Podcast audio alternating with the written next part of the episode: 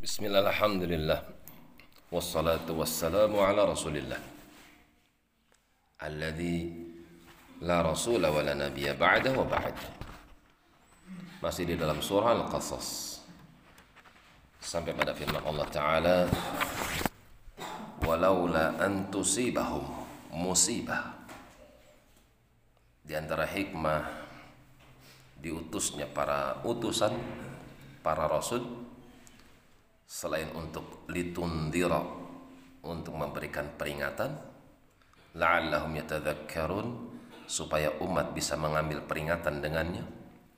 Di antara hikmahnya walaula antusibahum musibah supaya mereka tidak bisa berkomentar nanti pada hari kiamat ketika musibah menimpa mereka. Hukuman.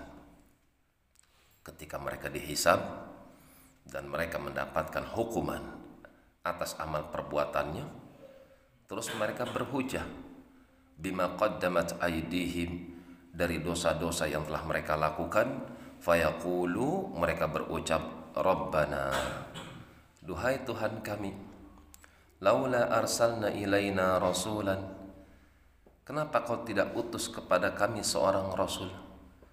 Fanattabi'a ayatika sehingga kami akan mengikuti ayat-ayatmu. Wa nakuna minal mu'minin. Dan pasti kami akan menjadi orang-orang yang beriman. Kalau tidak diutus Rasul mungkin mereka bisa mengucapkan kalimat ini. Ya Allah kami enggak tahu kalau itu halal. Ya Allah kami enggak tahu kalau itu haram. Ya Allah kami enggak tahu kalau itu syirik. Karena kau tidak menurunkan kitab Karena kau tidak mengutus Rasul akan tapi kitab sudah diturunkan, Rasul pun sudah diutus, maka tidak lagi ada alasan kenapa mereka tidak mengikuti ayat-ayat Allah dan juga Rasulnya. Itulah hikmah diutusnya para Rasul adalah untuk menegakkan hujjah. Wallahu a'lam bis